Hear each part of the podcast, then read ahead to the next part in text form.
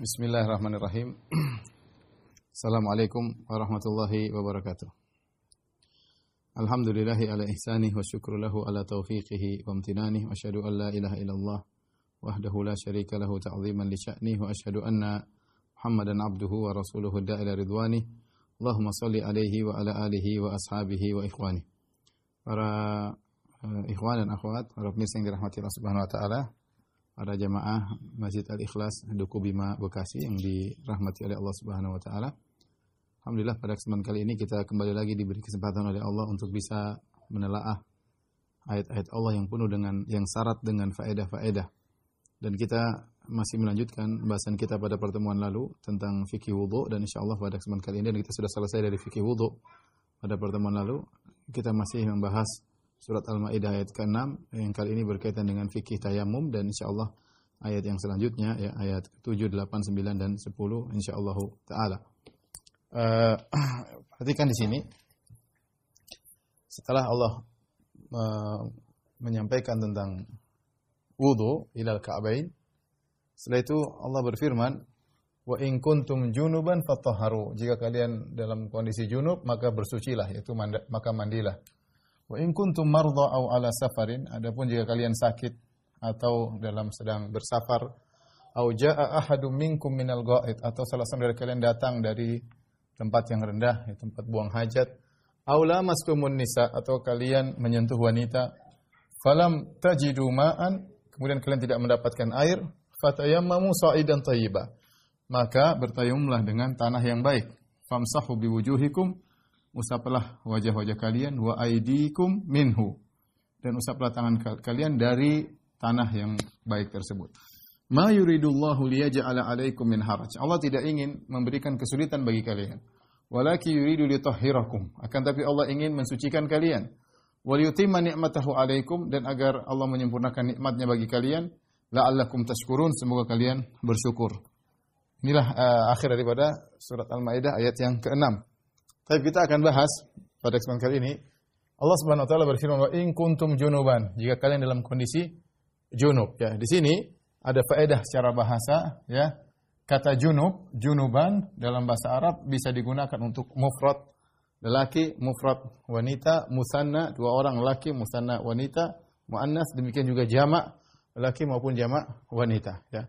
Jadi wa in kunta junuban wa in kuntum ma junuban ya wa in kuntunna junuban wa in kunti junuban junuban semuanya uh, bisa digunakan untuk uh, baik mufrad muzakkar mufrad muannas musanna muzakkar musanna muannas ya. Maupun jamak lelaki maupun jamak perempuan. Allah tidak mengatakan di sini wa in kuntum uh, junubina. Tidak. Tapi Allah mengatakan wa in kuntum junuban. Baik, kalau kalian dalam kondisi junub ya tentu tidak cukup berwudu ya Allah tadi menyebutkan tentang wudu untuk hadas kecil Ya ayyuhalladzina amanu idza kumtum ila salat. Kalau kalian tidak salat maka berwudulah. Sekarang eh, pada bagaimana kondisi yang lain? In kuntum junuban. Kalau kalian junub ya tidak bisa berwudu.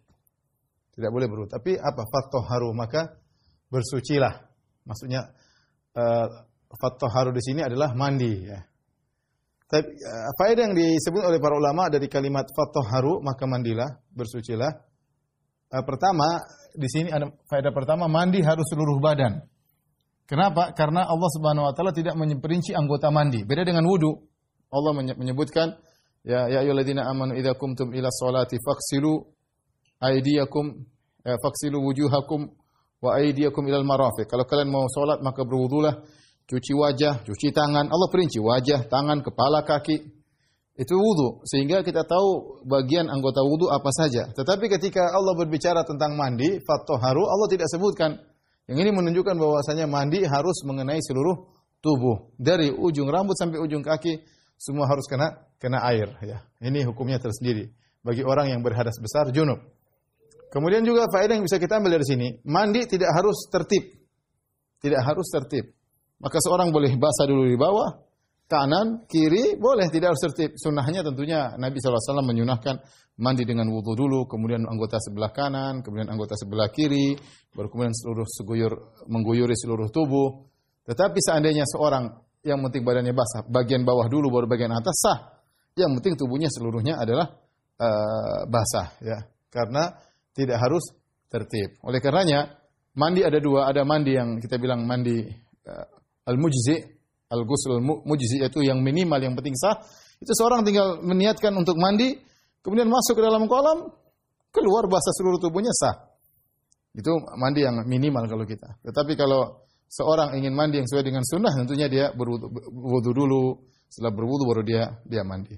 Tapi seandainya badannya seluruhnya basah dengan niat ya, dengan niat untuk menghilangkan hadas besar, maka sudah sah mandinya. Ini faedah yang kedua. Jadi mandi tidak disyaratkan tertib. Ya. Mandi tidak disyaratkan tertib. Yang ketiga, mandi dengan niat mengangkat hadas besar sudah cukup untuk sholat. Meski tidak niat menghilangkan hadas kecil. Meskipun tidak wudhu ketika mandi. Karena uh, di sini Allah mengatakan wa in kuntum junuban fatahharu. Kalau kalian dalam kondisi junub maka bersucilah sementara konteks ayat berkaitan dengan salat. Saya ulangi ayat pertamanya di awal Allah mengatakan ya ayyuhalladzina amanu idza kumtum ila salati. Wahai orang beriman jika kalian hendak salat ya maka berwudulah.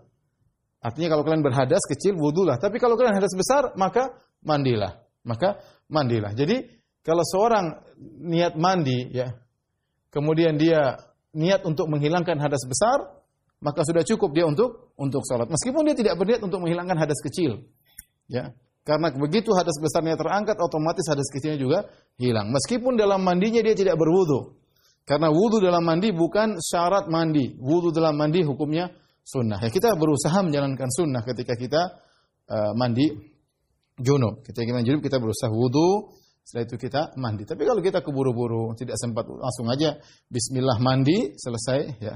Maka sudah cukup kita kita boleh langsung sholat tanpa harus wudhu terlebih dahulu karena mandi sudah mewakili wudhu.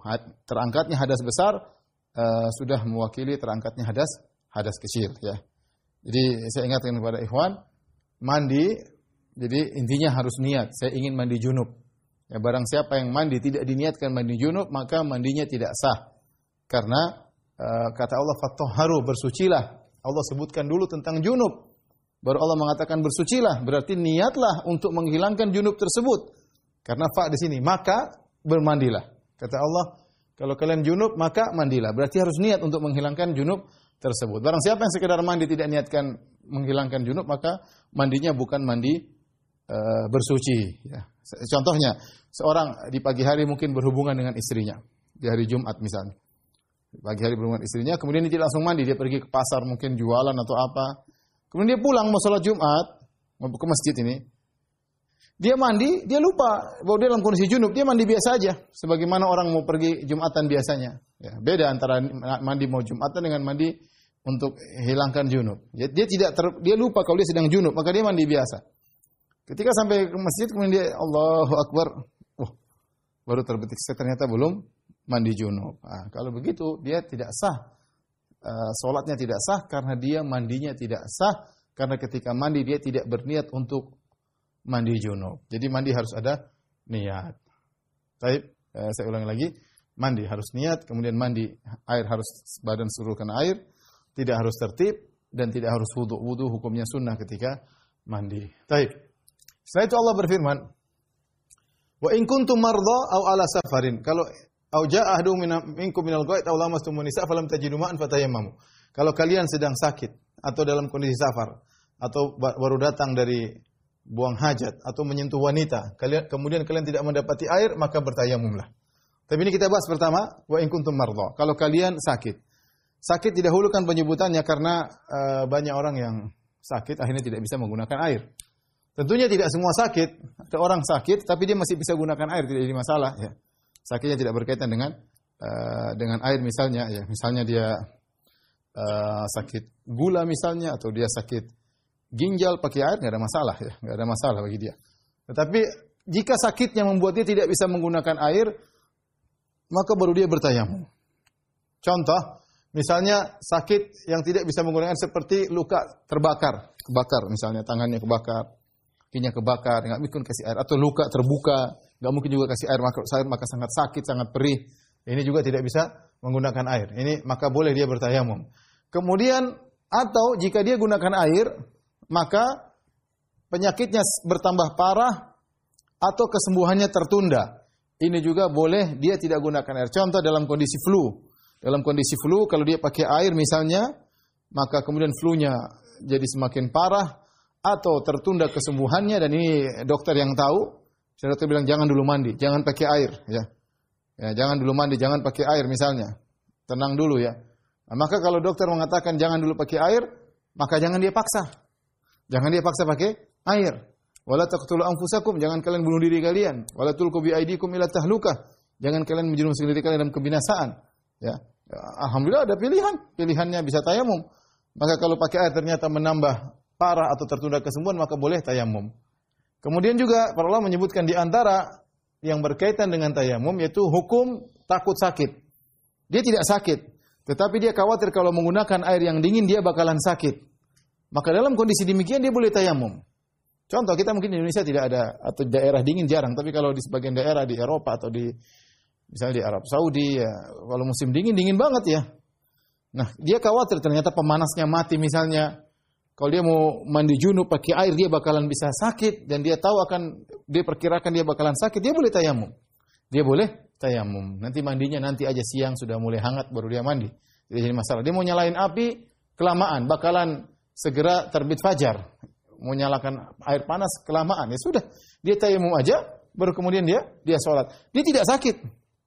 Tapi dia takut kalau menggunakan air khaufan minal marad, dia khawatir terjerumus dalam sakit.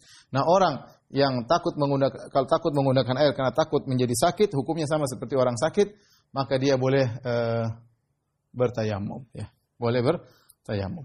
Kemudian sebagian ulama juga mengatakan maksudnya dia boleh bertayamum artinya uh, misalnya dia sakit dia sakit kemudian ada uh, ada air di samping dia namun dia tidak bisa menggunakan air untuk dia basuhkan ke kakinya, tidak bisa digunakan untuk dia basuhkan ke kepalanya, ya. Dia tidak mesti terbareng ada air di samping dia, tapi dia tidak bisa gunakan air tersebut untuk berwudu. Apakah dia boleh tayamum? Sementara kalau tayamum dia bisa.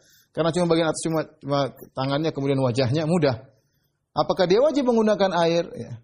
Sementara dia tidak bisa menggerakkan air tersebut ke kakinya, ke lengannya dengan seperti biasanya. Ya, kata para ulama, Ya, kalau dalam kondisi demikian dia boleh bertayamum. Dia boleh bertayamum. Apakah dia harus minta tolong orang? Tidak harus.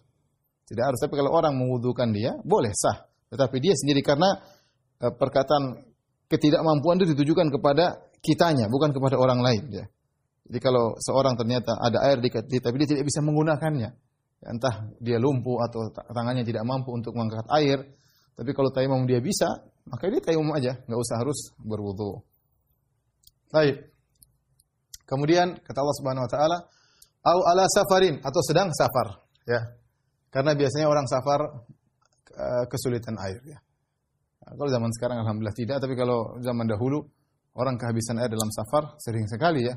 Kehabisan air dalam safar ya. Mereka hanya membawa persediaan air minum sementara air untuk mandi, air untuk uh, apa namanya? Uh, wudu uh, tidak uh, tidak ada ya. Tidak ada. Kemudian kata Allah Subhanahu wa taala, "Au jaa ahadum minkum minal ghaid." Kalau kita artikan secara tekstual atau salah seorang dari kalian datang dari al-ghaid. Al-ghaid ini apa sih? Al-ghaid ini secara bahasa Arab artinya al-makan al-mutmain al-habit. Maksudnya tempat yang tenang dan dia landai, dia turun. Dahulu orang-orang Arab ketika ingin buang air, mereka tidak ada toilet atau WC dalam kamar. Kebiasaan mereka itu muncul belakangan. Ya, dahulu mereka kalau buang air mereka pergi ke tempat yang jauh yang tanah tersebut agak landai, maka mereka buang air di situ. Mereka buang air di situ. Sehingga mereka ingin mengungkapkan buang air besar dengan mengatakan idza ataitumul ghaid. Kalau kalian pergi ke al-ghaid, ya. Al-ghaid itu artinya tempat yang rendah, yang agak jauh sehingga bisa digunakan untuk buang air besar, ya. Sehingga sekarang kata al-ghaid sendiri, al-ghaid sendiri seakan-akan eh, apa dikatakan di, di, dimaknakan sebagai kotoran padahal al-ghaid itu secara bahasa adalah tempat yang landai yang, yang yang rendah digunakan untuk buang air air besar. Ini kata para ulama Allah menggunakan kata kinayah ya. Jika kalian datang dari buang air besar. Buang air besar diganti dengan al-ghaid. Padahal al-ghaid secara bahasa bukan buang air besar, tapi al-ghaid adalah tempat yang agak landai. Karenanya jika memungkinkan kita mengucapkan kata-kata uh, kinayah ya Uh, kalau dengar nggak enak ya, kita gunakan kata tersebut. Eh, contoh dari mana kamu? Dari belakang. Orang udah ngerti. Kalau orang Indonesia kan juga gitu. Dari mana? Dari ke belakang dulu ya. enak didengar. Tapi kalau mana? Saya berak dulu, kedengaran nggak enak. nggak enak. Eh, oh, oh, nggak enak dengarnya. Tapi kalau saya ke belakang dulu ya, orang udah ngerti. Ya. Kalau BAB masih masih oke okay lah didengar ya. Tapi kalau kata mohon maaf berak itu dengarnya nggak enak ya. Jadi manusia punya perasaan. Maka uh, ada tradisi seperti ini bagus dan ini digunakan oleh Al-Qur'an menggunakan kata kiasan. Uh, ke belakang dulu kalau bahasa, bahasa Indonesia. Kalau mereka dahulu pergi ke goet ya dalam rangka buang uh, hajat ya. Uh, faedah dari kata al-goet ini pertama tempat yang rendah bahasa secara bahasa Arab menggunakan kinayah untuk perkara yang tidak enak didengar. Yang kedua agar orang yang sedang BAB menutup diri. Nah, tempatnya landai tertutup dari pandangan manusia. Sehingga kalau orang buang air besar jangan asal-asalan, buang air kecil jangan asal-asalan ya. ya. Sebagian orang kadang tidak punya malu di depan banyak orang, kemudian asal asal buang air. Tentunya hal ini uh, kurang bagus ya. Taib. Kemudian kata Allah Subhanahu wa taala, "Aula mastumun nisa" atau kalian menyentuh wanita. Atau kalian menyentuh wanita. Di antara uh, apa namanya? Di antara yang uh, memerlukan untuk bersuci adalah menyentuh wanita. Nah, para ulama khilaf tentang apa yang dimaksud dengan kalian menyentuh wanita. Secara umum ada dua pendapat tentang arti dari menyentuh wanita. Itu ada beberapa pendapat, tapi secara umum dua pendapat. Yang pertama mengatakan yang dimaksud dengan menyentuh wanita adalah jima, itu hubungan badan. Hubungan badan yaitu kemaluan lelaki masuk di kemaluan wanita, jima. Dan ini pendapat Ali bin Abi Thalib radhiyallahu anhu, pendapat Ubay bin Ka'ab radhiyallahu anhu, pendapat Ibnu Abbas radhiyallahu taala anhuma. Ibnu Abbas ketika ditanya tentang makna aulamas nisa, dia berkata dalam Al-Qur'an al-lamsu wal massu wal mubasyarah al-jima. Ini semua kinayah. Lamsu artinya menyentuh. Ya. Al-mas sama, menyentuh. Al-mubasyarah kulit ketemu kulit. Ini semua istilah-istilah dalam syariat untuk menggambarkan jima. Untuk menggambarkan jima. Sehingga Ibnu Abbas memahami bahwasanya kata firman Allah, kalian menyentuh wanita, maksudnya menjimai istri-istri kalian, menjimai wanita. Bukan menyentuh kulit, bukan menyentuh kulit. Kata beliau walakinna Allah yukanni ma syaa bima tapi Allah memberi kinayah ya apa yang Allah kehendaki dengan apa yang Allah kehendaki. Artinya Allah memberi kinayah tentang jima dengan menyentuh dengan kata menyentuh. Dalam Al-Qur'an juga ada min qabli antamasuhunna. Jika kalian menceraikan istri-istri kalian min qabli antamasuhunna sebelum kalian menyentuh, masih sebelum menjimai. Sini sentuh juga apa namanya? menjimai seperti firman Allah juga dalam uh, surat uh, apa? wala tubashiruhunna wa antum aqifuna. Jangan janganlah kalian tubasyiru padahal mubasyarah itu pertemuan kulit dengan kulit. Tetapi maksudnya jangan kalian jimai istri-istri kalian sementara kan dalam kondisi dalam kondisi iktikaf. Jadi dalam Al-Qur'an ada kata-kata yang artinya sentuhan maksudnya jima. Di antaranya mas. Mengkau beli antamasuhunna. Kalau kalian ceraikan istri kalian sebelum kalian jimai. Uh, mubasyarah. Wala tubasyiruhunna. Ya, jangan kalian menjimai istri-istri kalian sementara dalam kondisi iktikaf. Ayat yang berikutnya ini, aula mastumun nisa atau kalian menyentuh wanita. Ini pendapat mayoritas ulama. Ya, mayoritas salaf bahwasanya uh, makna menyentuh di sini artinya menjimai wanita. Sebagian ulama, sebagian sahabat berpendapat menyentuh di sini adalah menyentuh beneran, menyentuh beneran, bukan jima, menyentuh beneran. Sehingga kata mereka orang menyentuh batal wudu. Orang menyentuh batal batal wudu, menyentuh wanita batal batal wudu. Ya. Kalau pendapat yang pertama, tidak. Menurut Ibn Abbas, enggak. Menyentuh wanita tidak membatalkan wudhu. Tidak membatalkan wudhu. Yang membatalkan wudhu kalau menjimai. Baru wudhu batal, baru junub. Nah, kalau menyentuh, enggak ada masalah. Ya, menyentuh. Uh, pendapat kedua, menyentuh di sini artinya benar-benar menyentuh kulit. Menyentuh apa? Bukan jim artinya menyentuh kulit ya. Menyentuh kulit wanita ya. Maka ini pun ada dua pendapat tentang apa makna menyentuh Al-Auza'i mengatakan yang dimaksud menyentuh dengan tangan. Adapun kalau kesenggol tangan dengan tangan, ya, kemudian kaki dengan kaki, maka itu tidak membatalkan wudhu. Tetapi dia berpendapat makna lama nisa adalah menyentuh. Adapun diriwayatkan dari Ibnu Umar, Ibnu Umar berkata, "Man qabbala imra'atahu" ya, kata beliau, "fa wudu." Barang siapa yang mencium istrinya, maka wajib bagi dia untuk berwudu. seakan-akan Ibnu Umar Allah alam dari perkataan ini menyatakan sentuhan yang membatalkan wudu adalah sentuhan dengan syahwat. Jika terjadi intisyar, maksudnya terjadi ereksi, seorang menyentuh wanita kemudian dengan ereksi maka dia uh, batal wudunya ya. Dari sini kita tahu bahwasanya kalau kita mengambil uh, pendapat ini, ini pendapat dipilih juga oleh madhab syafi'i yaitu uh, berpendapat menyentuh ya, menyentuh wanita yang mungkin menimbulkan syahwat. Tidak semua wanita ya, seperti menyentuh istri. Adapun menyentuh mahram tidak jadi masalah. Menyentuh mahram tidak jadi masalah menurut madhab syafi'i. Yang jadi masalah adalah uh, menyentuh wanita yang bisa menimbulkan syahwat, apakah istrinya atau wanita-wanita uh, yang yang lain ya. Taib. Mana yang lebih kuat? Allah alam bisawab. Saya lebih condong kepada pendapat Ibnu Abbas, turjumanul Quran, ahli tafsirnya para sahabat ya. Ibnu Abbas radhiyallahu taala anhuma ya. Kenapa? Karena selain tadi ada kata-kata menyentuh dalam Al-Qur'an yang semakna, ada namanya almas, ada namanya lams, ada namanya mubasyarah. Ini semua maknanya adalah menyentuh tapi diartikan dengan jima. Datang dalil-dalil dari luar yang menguatkan. Secara bahasa ada kemungkinan bisa artinya jima, bisa artinya menyentuh. Ada, ada muhtamil, bisa ini bisa ini secara bahasa. Ya, tetapi kalau kita mengambil penguat dari sisi luar, kita dapati hadis-hadis menunjukkan menyentuh tidak membatalkan wudhu. Seperti dalam hadis dalam Sahih Muslim, yaitu Nabi SAW salat di hadapan Aisyah radhiyallahu taala anha. Ya, Aisyah muqtaridah di hadapan Nabi sallallahu alaihi wasallam. Kalau Nabi sallallahu alaihi wasallam mau sujud, maka Nabi menyentuh kaki Aisyah. Kenapa Nabi sentuh? Kenapa Aisyah menunggu sentuhan kaki Nabi? Aisyah mengatakan radhiyallahu anha wa kanatil buyutu laisa fiha masabih. Karena rumah-rumah tatkala itu tidak ada lampu. Jadi Aisyah tidak tahu kapan Nabi mau sujud karena gelap gulita.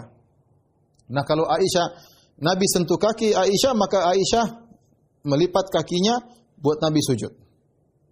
Kalau Nabi sudah berdiri lagi, Aisyah menjulurkan lagi kakinya. Rumah sempit. Rumah sempit, kamar Nabi sempit. Jadi kalau Aisyah Rasulullah mau sujud, Aisyah lagi julurkan kedua kakinya. Disentuh kakinya supaya Aisyah melipat kakinya Nabi bisa bisa sujud. Kalau Nabi sudah berdiri, Aisyah menjulurkan lagi kedua kakinya. Karena Nabi kalau berdiri lama sekali. Kalau Aisyah tidur lipat kaki terus, mending Aisyah julurkan. Nanti kalau mau sujud baru sentuh dia tarik lagi. Zahirnya Nabi sentuh. Sentuh, ya. Sebagian lama uh, seperti Imam Nawawi rahimahullah bermadhab Syafi'i mengatakan enggak maksudnya nyentuhnya di balik kain misalnya. Tapi zahir hadis umum menyentuh benar-benar menyentuh. Demikian juga hadis ketika Aisyah terbangun di malam hari. Aisyah terbangun di malam hari maka Aisyah pun cari Nabi karena gelap harus cari. Tiba-tiba Aisyah memegang kaki Nabi sallallahu alaihi wasallam. Nabi sedang sujud. Nabi sedang sujud ya. Yang tentunya Aisyah tidak sedang mencari dengan megang-megang kain, Enggak, dia pasti tangan biasa nyari, tangan biasa. Ya. Kemudian megang kaki Nabi Shallallahu Alaihi Wasallam dan ternyata Nabi melanjutkan apa? Sholatnya. Nabi melanjutkan sholat. Ini dalil bahwasanya menyentuh wanita tidak membatalkan wudhu. Menyentuh wanita tidak membatalkan wudhu. Dan ini memang agak repot kalau kita mengatakan menyentuh wanita membatalkan wudhu. Nah, seperti kalau lagi tawaf, agak repot ya.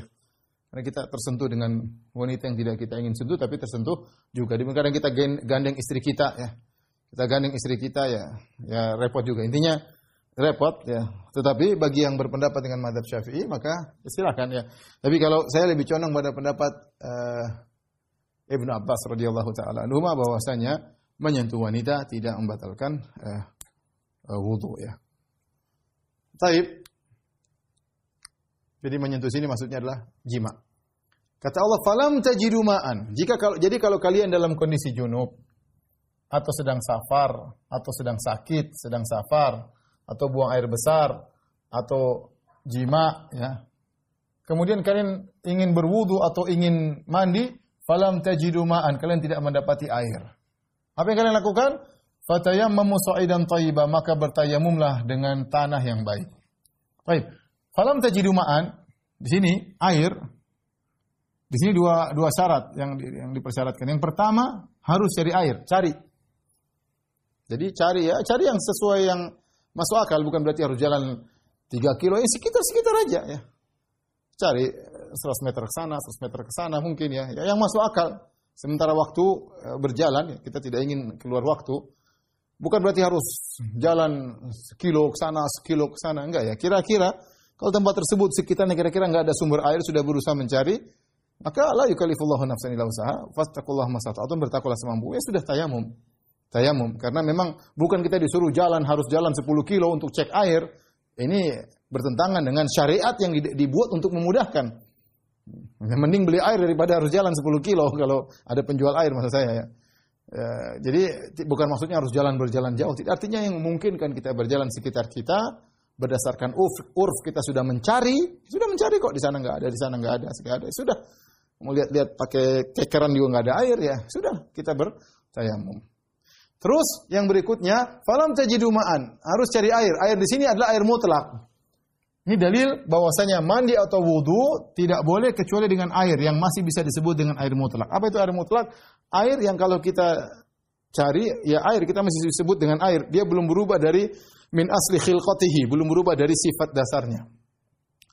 Kalau saya bilang datangan air, ada orang datang air, air sumur, saya bilang benar. Ada orang bawakan air hujan, saya bilang benar. Ini air yang saya maksud. Tapi kalau ada orang kita bilang datangkan air, dia bawa air kelapa. Oh ini bukan ini, bukan ini namanya bukan air, namanya air kelapa. Saya bilang ambilkan air buat saya, atau dia ambil air mawar, perasaan mawar. Ini bukan air yang saya maksud, ini bukan air mutlak, ini namanya air mawar. Saya bilang minta air, atau dia datangkan teh, ya ini bukan bukan bukan air. Jadi tidak boleh orang wudhu pakai teh, nggak boleh. Pertama tidak sah, yang kedua bahlul. Mandi mandi junub pakai air teh, apalagi pakai uh, apa namanya sirup yang nggak boleh. Meskipun itu cairan, jadi tidak semua cairan boleh digunakan untuk berwudhu. Yang boleh digunakan untuk berwudu dan menuju namanya air mutlak. Air mutlak itu air yang masih disebut dengan air. Contoh air sumur, contoh air hujan, ya, contoh air sungai, contoh mata air itu semua air mutlak namanya. Yang berasal dari air hujan kemudian turun di antaranya air laut, di antaranya air air laut. Ya, ini semua namanya air yang bisa digunakan untuk mandi dan untuk uh, wudhu. Adapun air teh, air mawar, air, air, air kelapa ya, ini semua tidak bisa digunakan untuk berwudu. Ya. Falam tajidu ma'an. Kalian tidak dapat air. Apa yang kalian lakukan? Fatayammamu. Maka hendaknya kalian bertayamum. Tayamum dalam bahasa Arab artinya al-qasdu. Ber, ber, bermaksud. Ya. Ya, bermaksud. Ya. Uh, uh, apa namanya? Uh, wala tayammamul khabitha minhu tunfiquna Walastum bi akhidhihi illa an tuqmidhu. Kata Allah, janganlah kalian kalau mau bersedekah cari yang jelek baru kalian sedekahkan. Yang kalian saja kalau mau ngambil tutup mata karena barang ini jelek. Nah, kalau kita berinfak yang se seadanya, jangan cari mana makanan yang mau basi baru sedekahkan. Enggak. Cari yang mau rusak baru sedekahkan. Enggak. Jangan cari yang pilih yang jelek baru sedekahkan. Kata Allah, wala itaimul khabitha. Jangan kalian bermaksud mencari yang buruk untuk kalian infakkan. Jadi tayamum bahasa Arab artinya menuju ya, menuju atau bermaksud. Maka kata para ulama, fatayammamu ini menunjukkan secara bahasa artinya bertujulah kalian menuju sa'idan, tanah yang baik. Menujulah kalian menuju tanah yang yang baik. Ini dalil bahwasanya syarat bertayamum juga butuh niat. Karena tayamum sendiri artinya bermaksud, ya. Jadi semua bersuci butuh niat, wudu butuh niat, mandi butuh niat, tayamum juga butuh butuh niat. Ya. Fatayammamu sa'idan tayyiban. Tayyib. Uh, kata Allah Subhanahu wa taala bertayamum dengan tanah yang baik. Sa'idan sendiri sa'id ya. Apa maknanya sa'id? Sa'id ada khilaf di kalangan para ulama tentang makna sa'id, ada khilaf ya. Ada yang mengatakan semua yang mengandung unsur tanah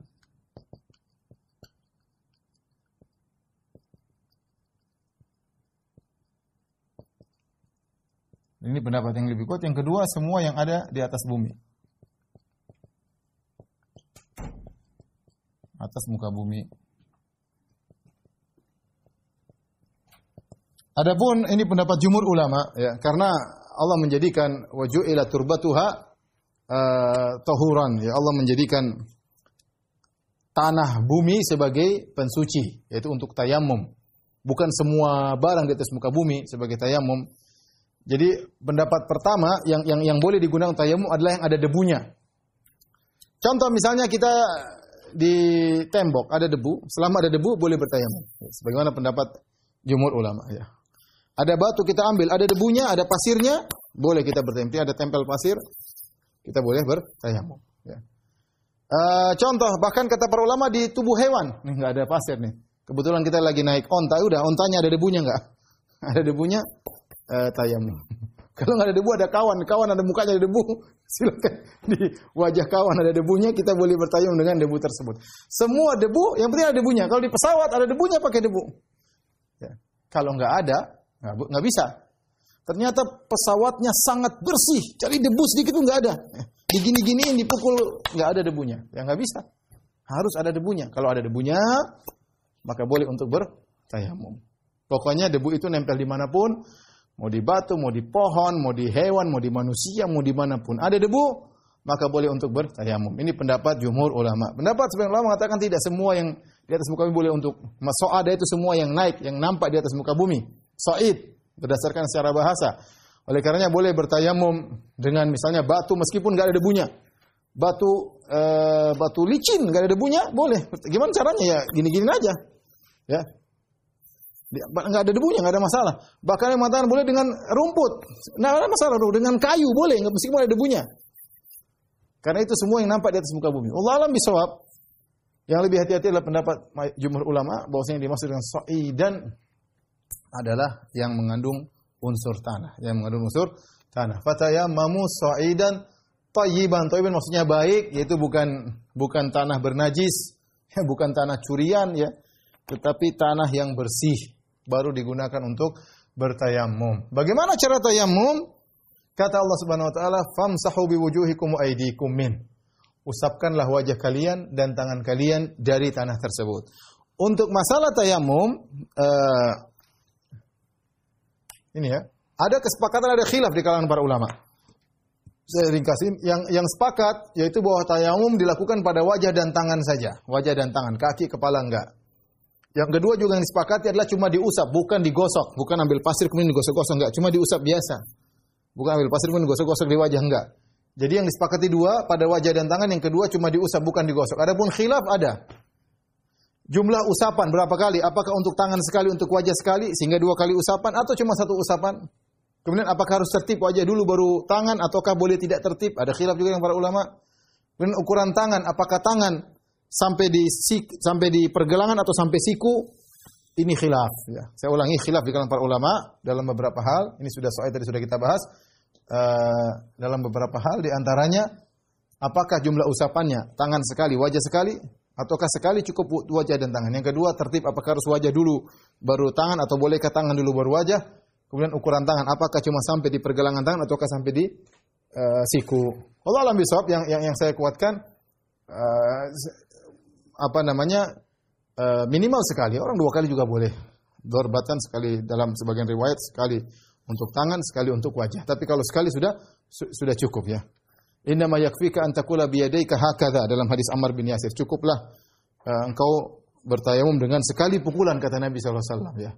Ya karena kita bukan untuk mencari pasir yang banyak ya. Cuma sedikit bahkan dibersihkan baru kita gunakan untuk tayamum jadi sekali sudah cukup untuk tangan dan wajah ya Kemudian uh, masalah tangan. Tangan apakah cuma sampai di sini ataukah sampai digosokkan sampai ke siku? Ya, madhab Syafi'i, uh, Imam Syafi'i dalam qaul jadid ya sampai ke ke siku. Karena ada riwayat yang datang seperti itu. Tapi yang benar bahwasanya sampai ini pun sudah cukup. Saya ada yang melebihkan tidak jadi masalah. Tetapi hadis-hadis kebanyakan yang datang cuma sampai di uh, pergelangan tangan. Demikian juga Allah Subhanahu wa taala berfirman dalam ayat ini wa aidikum tangan dan tangan dalam bahasa Arab asalnya adalah pergelangan tangan ya. Wasariqu wasariqatu faqatu aydiyahuma kata Allah pencuri laki-laki pencuri perempuan potonglah tangan mereka maksudnya ini sampai sini. Makanya ketika Allah menyuruh sampai siku Allah mengatakan ilal marafiq wa aydiyakum ila cucilah tangan kalian sampai ke siku. Karena seandainya tidak ada kata sampai ke siku berarti cuma sampai pergelangan tangan. Tangannya asalnya itu ini. Ketika Allah ingin bicara sampai ke siku, Allah mengatakan sampai ke siku. Allah tambah kata wa aidiyakum ilal marafiq. Cucilah tangan kalian sampai ke siku. Ketika Allah bicara tentang tayamum, Allah tidak mengatakan sampai ke siku, enggak. Berarti kembali kepada hukum asal cuma sampai di sini, ya. Sampai di sini. Kalau ada yang nambah sampai siku, enggak ada masalah, ya. Tidak jadi masalah itu pendapat ya. Adapun tertib yang rajih wallahu alam bisawab tidak harus tertib, wajah boleh dulu, tangan boleh dalam sebagian riwayat ya Nabi mencontohkan dengan tangan terlebih dahulu sebagaimana hadis Ammar bin Yasir ya. Rasulullah SAW mengatakan innama yakfika an taqula bi yadayka cukup kau begini. Jadi Ammar bin Yasir ini pernah uh, bersafar kemudian dia junub, kemudian dia tidak punya air, maka dia menyangka badannya air uh, tanah pengganti air, maka dia mengatakan fatamarraktu kama tamarraqad dabbah. Saya pun bolak-balikkan badanku di tanah supaya badan semua penuh dengan tanah pengganti air. Ternyata Nabi mengatakan salah, bukan begitu. Cukup engkau memukulkan kedua tanganmu, kemudian menghusap. Maka Nabi pun menghusap punggung tangan. Kemudian Nabi semua yamsahu wajahu, kemudian mengusap wajah. Jadi kalau kita mau tayamum begini ya, kita sederhananya kita bismillah, bismillah ya. Kemudian kita pukulkan uh, ta, ta, tanah, tangan di tanah ya. Bismillah ya. Kemudian kalau ternyata debunya banyak kita bersihkan ya karena kita bukan mau taruh pasir di wajah. Jadi pukul bismillah sekali, kalau banyak kita bersihkan kemudian kita usap punggung telapak tangan kanan, kemudian punggung telapak tangan kiri, Kemudian kita ucap usap sekali wajah. Sebagaimana kita wudhu sekali aja. Sudah. Ini boleh ya. Kalau dibalik berdasarkan ayat, boleh juga karena datang riwayat juga sebaliknya. Jadi bismillah. Kita begini, kita wajah dulu. Wajah dulu sekali, baru kemudian tangan kanan, tangan kiri ya. Saya kira demikian. Maka sudah cukup kita uh, bertayamum ya, bertayamum. Kemudian Kata Allah di akhir ayat, "Ma yuridullahu liyaj'ala 'alaikum min haraj." Allah tidak berkehendak menyulitkan kalian. Makanya agar kalian tidak susah, maka ada tayamum. Maka ada tayamum. Ya. Maka ada tayamum. Ustaz, bagaimana kalau orang sakit, nggak ada air, nggak bisa tayamum? Terus gimana? Ya sudah, sholat aja, nggak usah pakai, nggak usah pakai wudhu, nggak usah pakai mandi junub, nggak usah tayamum. Terus apa? Fattakullah masata'tum. Sholatlah sebagaimana kalian mampu. Ini dirojikan oleh Imam Bukhari dalam dalam uh, Sahih Bukhari dan juga diisyaratkan oleh Ibn Hajar dalam Fathul Bari. Itu tentang kisah uh, turunnya ayat tayammum ya. Yaitu ketika Aisyah radhiyallahu taala anha ringkasnya Aisyah radhiyallahu anha ketika itu bersafar kemudian kalungnya hilang maka Nabi SAW menyuruh para sahabat untuk cari kalung sampai pagi. Wan, nasu laisu alama wa laisa ma'ahum Waktu itu orang-orang tidak sedang dalam kondisi bersuci dan mereka tidak bawa air untuk bersuci. Akhirnya ketemu setelah subuh setelah siang baru uh, ketemu kalungnya. Ternyata orang sudah sholat. Orang sudah sholat. Dan Nabi tidak menyuruh mereka untuk sholat ulang. Ini menunjukkan bahwasanya mereka sholat dalam kondisi tidak bersuci. Karena waktu itu belum turun ayat ayat belum. Mereka tidak bisa bersuci, ada yang junub, ada yang belum. Ini tidak ada air. Ternyata mereka sholat. Turun ayat ayat belakangan. Ya. Sehingga mereka mengatakan, Mahiyabi awali barakatika ya ala Abi Bakar. Ini bukan keberkahan pertama kali, wahai Aisyah radhiyallahu taala engkau membawa berkah. Tapi intinya Ibn Hajar rahimahullah berdalil bahwasanya mereka sholat dan Nabi tidak suruh mereka untuk ulangi sholat, berarti mereka sholat tanpa wudhu. Maka waktu kita ditanya tentang sebagian dokter atau tenaga medis yang menggunakan baju apa namanya itu? Kayak baju astronot ya. Hah? Ya itulah baju itulah ya. Kemudian menangani orang-orang terkena COVID yang kemudian ternyata harus memakai baju tersebut dalam waktu yang lama ya yang akhirnya melewati dua waktu sholat yang tidak bisa dijamak misalnya dari pagi sampai duhur lewat ya, kemudian uh, asar lewat kemudian menuju maghrib. Asar tidak bisa dijamak ke maghrib. Gimana caranya sudah sholat. Wudhu nggak bisa. Kalau wudhu kebuka bisa jadi virus masuk dan yang lainnya maka uh, fattakullah masata'atum sholatlah semampunya ya, ya. ya. jadi tapi selama masih ada pengganti masih ada pengganti maka uh, mandi junub dan juga wudhu boleh diganti dengan tayamum Ma yuridullah liyaj'al alaikum min haraj. Allah tidak menghendaki kesulitan bagi kalian, walakin yuridu liyutahhirakum. Tetapi Allah ingin mensucikan kalian. Mensucikan kalian maksudnya apa? Uh, Allah uh, mensucikan kalian secara ini untuk membersihkan kalian maksudnya secara hissi jas, jasmani ya dengan mandi kalian bersih dengan wudu kalian bersih ya secara his kita mandikan bersih-bersih wudu juga bersih-bersih kecuali tayamum tidak nampak kebersihan tetapi bersih yang kedua bersih maknawi, jiwa juga bersih. Dengan kita mandi, dengan kita wudhu, dengan kita tayamum, jiwa kita bersih. Kenapa? Karena ketika kita mandi, ketika kita wudhu, kita kita tayamum, maka dosa-dosa kita berguguran. Karena dalam hadis kalau orang berwudhu, maka ketika dia mengusap wajahnya, semua dosa yang dia lakukan dari pandangan matanya berguguran. Makanya disunahkan kita kalau setiap sholat kita berwudhu meskipun belum batal. Sunnah Nabi Shallallahu Alaihi Wasallam tidak harus. Kenapa setiap kita berwudu, dosa-dosa kita yang di oleh mata kita ini banyak akan berguguran. Ya. Kemudian ketika mencuci tangan, dosa-dosa kita yang ada di tangan berguguran bahkan sampai tetes terakhir. Ya. Kita ini macam-macam sering apa? sering ngetik-ngetik macam-macam ya. Sering komentar macam-macam ya menyakiti hati orang atau lihat macam-macam ini jadi-jadi bikin masalah ya. Jadi-jadi bikin masalah. Hanya berwudu keluar gugur apa? Dosa-dosa. Kemudian kaki juga yang kita langkah kaki menuju tempat maksiat, gugur dosa-dosa. Jadi eh, walakin yuridullah walakin yuridu liyutahhirakum. Allah ingin mensucikan kalian, mensucikan secara jasad dan mensucikan secara maknawi. Wal yutimma ni'matahu alaikum dan Allah menyempurnakan nikmatnya atas kalian la'allakum tashkurun. Allah menyempurnakan nikmatnya berupa syariat. Nikmat bukan cuma uh, nikmat zahir ya. Syariat uh, mandi, wudu, uh, tayamum itu nikmat. Allah memberi nikmat kepada kita secara zahir ya, secara berbagai macam kenikmatan, demikian juga secara batin itu nikmat syariat yang mudah. La'allakum tashkurun agar kalian bersyukur. Baik, kita lanjutkan. Ikhwan dan akhwat yang dirahmati Allah Subhanahu wa taala, uh, ayat berikutnya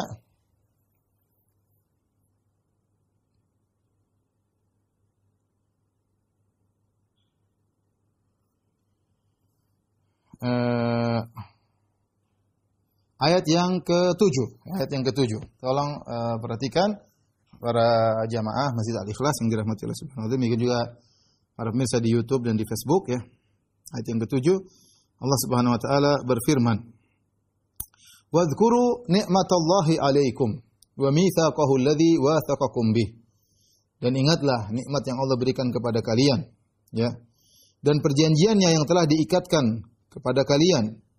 Idz qultum sami'na wa ata'na, tatkala kalian mengatakan kami mendengar dan kami taat. Wattaqullah bertakwalah kepada Allah, innallaha alimun bidzati sudur. Sungguhnya Allah Maha mengetahui apa yang ada dalam isi hatimu. Ya. Niat yang ketujuh, Allah menyebutkan nikmat-nikmat. Jadi setelah Allah mengatakan wa yutimma ni'matahu alaikum agar Allah menyempurnakan nikmat kepada kalian berupa nikmat syariat.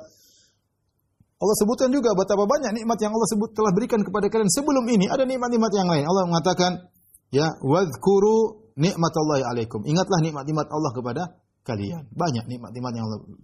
Kenapa kita disuruh ingat-ingat nikmat? Agar kita pandai bersyukur dan tidak ujub. Orang kalau lupa bahwasanya yang dia dapatkan nikmat dari Allah dia nanti ujub. Seakan-akan dia hebat. Seakan-akan karena dia kecerdasannya, karena, karena seakan-akan karena kelihayannya, karena kepiawaiannya, karena pengalamannya, dia lupa diri, dia lupa diri. Ya. ya bahwasanya itu semua nikmat dari Allah. Allah kasih kau nikmat. Ya. Sehingga tadi kalau kita sering ingat nikmat Allah, ya, maka kita tidak ujub dan kita pandai bersyukur. Kita mengingat siapa yang beri nikmat kepada kita. Wa mitsaqahu alladhi wathaqakum bih. Dan ingatlah tentang perjanjian yang uh, telah diikatkan kepada kalian. Perjanjian ini apa maksudnya? Ada khilaf di kalangan para ulama. Ada yang mengatakan perjanjian para sahabat kepada Nabi ketika di uh, Bai'atul Aqabah ya. Ketika Al-Bara' bin Ma'rur berkata, ya inna lanamna annaka ya Rasulullah kama nam kama namna anna uzurana ya. Ya Rasulullah, pergilah kau ke Madinah waktu para sahabat mengajak Nabi untuk berhijrah ke kota Madinah. Pergilah anda ke kota Madinah. Kami akan membela anda, wahai Rasulullah, sebagaimana kami membela diri kami, membela anak-anak kami, membela istri-istri kami. Ya, benar-benar kami akan bela dan mereka menunaikan janji. Dan ini nikmat ya. Allah ingatkan janji kalian. Kemudian juga uh, bayat mereka yang lain tatkala misalnya bayat para sahabat ketika dalam perjanjian Hudaybiyah kemudian mereka berbayat kepada Nabi untuk membela Nabi sampai mati sampai ya tetes darah terakhir. Mereka sudah membayat Nabi. Dan ini Allah ingatkan ya, kalian telah berjanji untuk idz qultum sami'na wa ata'na. Kalian senantiasa mengatakan kami dengar dan kami taat. Jadi ketika seorang diingatkan dengan kenikmatan-kenikmatan, dia lebih mudah untuk taat. Dia lebih mudah untuk apa? Taat. Kalau kita ingat nikmat-nikmat Allah, kita lebih semangat untuk beribadah karena kita ingin bersyukur kepada Allah Subhanahu wa taala. Wattaqullaha, bertakwalah kepada Allah. Innallaha alimun bidzati sudur. Sungguhnya Allah mengetahui isi hati kalian. Hati-hati. Takwa itu bukan tempatnya cuma di zahir saja. Dalam dalam hati kita juga ada takwa dan Allah tahu kita ikhlas atau tidak, kita ria atau tidak, kita ujub atau tidak, kita sombong atau tidak, kita merendahkan atau tidak, merendahkan orang lain atau tidak. Allah Maha tahu, ya makanya Allah mengatakan innallaha alimun bidzati sudur. Kemudian Allah berfirman, "Ya ayyuhalladzina amanu kunu qawwamina lillahi syuhada'a bil qist." Ya, wahai orang beriman, hendaknya kamu jadi orang yang selalu menegakkan ya kebenaran karena Allah syuhada abil qist, jadilah kalian menjadi para saksi dengan adil. Wala yajrimannakum syana'anu qaumin dan jangan sampai kebencian kalian kepada suatu kaum menjerumuskan kalian ala alla ta'dilu sehingga kalian tidak adil kepada mereka. I'diluhu aqrabu taqwa. Bersikap adillah kalian itu lebih baik kepada ketakwaan. Wattaqullah, bertakwalah kepada Allah. Innallaha khabirum bima ta'malun. Sungguhnya Allah Maha mengetahui apa yang kalian kerjakan. Ini ayat ya. Allah menyuruh untuk seorang ketika bersikap qawwamina lillah, dia harus tegak karena Allah, bukan tegar karena manusia tidak. Seorang tegar atas apa yang dia ucapkan, seorang tegar atas apa yang dia tulis, seorang tegar atas apa yang dia saksikan karena Allah, karena Allah. Ya, ini yang pertama dan utama. Ya, jangan sampai dia tegar, jangan sampai dia kokoh, jangan sampai dia menulis, jangan sampai dia berucap, jangan sampai dia komentar. Ternyata bukan karena Allah, tapi karena manusia. Allah ingatkan, kunu qawamina lillah. Semuanya karena Allah. Syuhada abil qis. Jadilah kalian saksi-saksi dengan adil. Ya. Kemudian Allah ingatkan bahkan tatkala yang kalian hadapi adalah orang yang kalian paling yang paling kalian benci. Wala yajrimannakum jangan sampai sekali-sekali kalian tergelincirkan oleh kebencian kalian kepada satu kaum. Apa kata uh, Allah Subhanahu wa taala? Syana'anu qaumin yaitu kebencian yang sangat parah. Jadi syana'an kata para ulama adalah syiddatul ghadab yaitu kebencian yang sangat parah. Makanya disebut dalam bahasa Arab uh, tuhu artinya taqaddartu minhu. Kalau saya mengatakan syani itu itu saya sanaan sama dia artinya saya jijik lihat dia saking jengkelnya. Sampai jijik lihat dia. Jadi kita disuruh bersaksi untuk kepentingan orang yang kita jijik melihatnya. Tapi Allah ingatkan meskipun kau benci kepada ini turun kepada orang beriman kepada orang kafir. Kalau kan orang kafir yang bikin masa, bikin masalah, bikin jengkel kita jijik ngelihat dia, jengkel orang ini zalim kepada kita, menghalangi kita untuk pergi ke Mekah misalnya yang dialami oleh para sahabat. Tapi ketika ada saksi diperlukan berkaitan dengan dia, kita harus adil, harus jujur. Meskipun persaksian tersebut ternyata mendukung dia. Allah ingatkan, "Wala yajrimannakum syana'anu qaumin ala alla ta'dilu." Subhanallah, sungguh indah syariat Islam. Ya, kebencian kalian jangan sampai membuat kalian tidak berbuat adil. Kita aja kalau benci diem itu sudah susah. Ternyata kita disuruh bela dia, lebih lebih jengkel lagi. Lebih jengkel lagi. Karena ikhwan, hati-hati. Kita terkadang tidak suka sama orang. Jangan, ini Allah bicara dengan orang kafir aja kita harus adil, apalagi sama muslim. Mungkin sama mungkin mungkin sama berbeda pendapat, mungkin beda akidah, mungkin beda manhaj. Kita tidak boleh nggak adil. Nggak boleh kita mendolimi uh, orang yang tidak berce tidak bercocokan dengan kita, kemudian kita kata-katain yang tidak sebenarnya. Jadi bumbu-bumbu kita tambah-tambah yang tidak seperti seharusnya. Hati-hati. Tidak boleh. Jangankan kepada sama muslim, sama saudara kita sama muslim. Bahkan sama orang kafir itu tidak boleh kita tidak boleh kita demikian apalagi sama muslim. Wala jrimannakum syana'anu qaumin ala alla ta'dilu. I'diluhu aqrabu taqwa. Adilah kalian itu lebih baik pada ketakwaan. Kata para ulama, takwa ya ya banyak amal soleh yang dekat kepada takwa, ada amal soleh yang agak jauh dari takwa. Di antara yang paling dekat dengan takwa adalah bersikap adil. Ini perlu saya ingatkan ayat ini. Dilu bersikap adillah kau bahkan kepada musuhmu itu lebih dekat kepada ketakwaan. Itu sangat mudah memasukkan ke dalam surga. Ya. Jadi kita ini sering, saya, saya bilang, maksud saya, saya bicara tentang diri saya sendiri. Kita kalau sudah bicara uh, misalnya amal soleh, sering kita hitung saya sholat berapa rakaat, mungkin ya kita kita umroh berapa kali, kemudian saya toaf berapa kali, kita mudah hitungnya. Tapi kalau kita maafkan orang seakan-akan bukan pahala. Eh, kita ber, ber, ber, ber, menasihati orang seakan-akan bukan pahala. Padahal ini akhlak, akhlak mulia ini pahalanya besar. Adil sama orang yang mungkin jengkel sama kita, kita jengkel sama dia, dia sering dolimi kita, tapi kita omongan kita adil. Seakan-akan ini nggak ada pahalanya, kita tidak hitung. Padahal pahalanya besar kata Allah, akrobuli takwa, lebih dekat kepada ketakwaan. Jadi barometer kita tatkala menilai e, pahala bukan cuma yang kita baca Quran, bukan cuma kita umroh atau haji. Ingat kita berbuat adil, ngomong yang benar, mensifati orang dengan sifat yang benar, tidak berlebih-lebihan, tidak kurang-kurang, sesuai dengan porsinya, maka itu juga adalah ketakwaan. Wattaqullah, bertakwalah kepada Allah. Innallaha khabirun bima ta'malun. Sungguhnya Allah Maha mengetahui apa yang kalian lakukan. Wa adallahu alladhina amanu wa amilu salihati lahum maghfiratun wa ajrun azim. Allah menjanjikan orang yang beriman dan beramal saleh bagi mereka ampunan Allah dan ganjaran yang besar ya. Wa Allah Allah menggunakan fi'il madhi kata para ulama itu Allah telah menjanjikan. Allah telah menjanjikan seakan-akan janji tersebut akan terjadi dan Allah la yukhlifullahu mi'ad. Allah tidak akan menyelisih janji Allah. Kalau sudah berjanji, orang beriman beramal saleh, mereka akan dapatkan ampunan dan ganjaran yang besar. Walladzina kafaru wa kadzdzabu bi ayatina ulaika ashabul jahim. Sebaliknya orang yang kafir dan mendustakan ayat-ayat kami, maka mereka lah penghuni neraka jahanam, ashabul jahim, api yang menyala-nyala.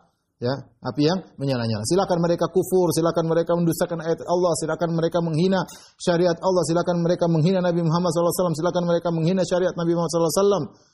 Ingat, mereka dustakan ayat-ayat Allah, mereka dustakan hadis-hadis Nabi SAW, mereka dustakan syariat Allah, ulaika ashabul jahim. Mereka adalah penghuni neraka jahanam yang menyala-nyala.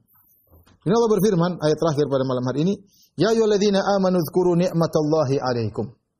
Wahai orang yang beriman, Allah sebutkan nikmat-nikmat Allah. Ingatlah nikmat Allah yang Allah berikan kepada kalian. Idhamma qaumun ayyabsutu ilaikum aydiyahum. Ya. Ketika uh, ada suatu kaum yang bermaksud untuk menggerakkan tangan mereka kepadamu yaitu untuk memukulmu berbuat jahat kepadamu. Fakaffa aydiyahum ankum maka Allah tahan tangan mereka dari kalian. Mereka yang berniat buruk, ingin angkat senjata, ingin menyakiti, menyakiti kalian tapi tidak terjadi. Allah tahan mereka. Wattaqullah bertakwalah kepada Allah. Wa 'alallahi falyatawakkalul mu'minun dan bertawakallah kepada Allah orang-orang yang beriman. Jadi Allah ingatkan bahwasanya nikmat bukan saja perkara-perkara yang datang kita rasakan. Di antara bentuk nikmat yang besar adalah kita terhalangi dari keburukan. Sadar atau tidak sadar terkadang ada orang yang jahat kepada kita Allah cegah dia tidak jadi tidak jadi berbuat jahat. Tapi syaratnya apa? Anda bertawakal kepada Allah. Wa 'alallahi falyatawakkal mu'minun. Maka bertawakal kepada Allah Subhanahu wa taala ya. Saya dengar ada waktu saya pergi ke suatu daerah ada sebagian ikhwan awal-awal mereka berdakwah. Kemudian jumlah mereka sedikit tidak banyak. Maka ada sebagian orang-orang yang hasad. Kemudian niat menyerang kampung kawan-kawan. Datang dengan bertrek-trek ingin menyerang kaum-kaum yang jumlah mereka sangat sedikit. Mereka tidak tahu mau bikin apa. Mereka berdoa kepada Allah bersiap-siap diri. Subhanallah tiba-tiba di saat malam itu mereka ingin menyerang kawan-kawan. Tahu-tahu ada beberapa perampok yang datang ke kampung tersebut. Sampai beritanya datang kepada mereka, mereka tahu ada perampok yang akhirnya mereka Balik semua pergi menuju kampung mereka untuk menyelamatkan mereka. Akhirnya mereka tangkap itu para pembunuh, para perampok dan mereka bunuh. Berapa orang, enam orang atau berapa orang mereka bunuh. Tapi subhanallah kawan kawan mengatakan kita ditolong malam hari itu oleh Allah Subhanahu wa taala. Ini nikmat besar. Ya. Jadi kita jangan menyangka nikmat hanya sekedar uh, dapat kenikmatan, dapat ke, uh, harta atau yang lainnya, kesehatan. Allah mencegah orang lain untuk berbuat buruk kepada kita. Dia punya makar tapi Allah cegah. Itu nikmat yang terkadang kita sadar, terkadang kita tidak uh, sadar ya. Allah sebutkan nikmat-nikmat ini tidak lain agar kalian tidak ujub ya bahwasanya keberhasilan kalian karena Allah Subhanahu wa taala dan agar kalian pandai bersyukur dengan banyak mengingat nikmat-nikmat Allah Subhanahu wa taala. Demikian para jamaah Masjid Al-Ikhlas yang dirahmati Allah Subhanahu wa taala kajian kita pada kesempatan kali ini. Uh, saya sampaikan doa kafaratul majelis. Subhanakallah bihamdik asyhadu an la ilaha illa anta astaghfiruka wa atubu. Assalamualaikum warahmatullahi wabarakatuh.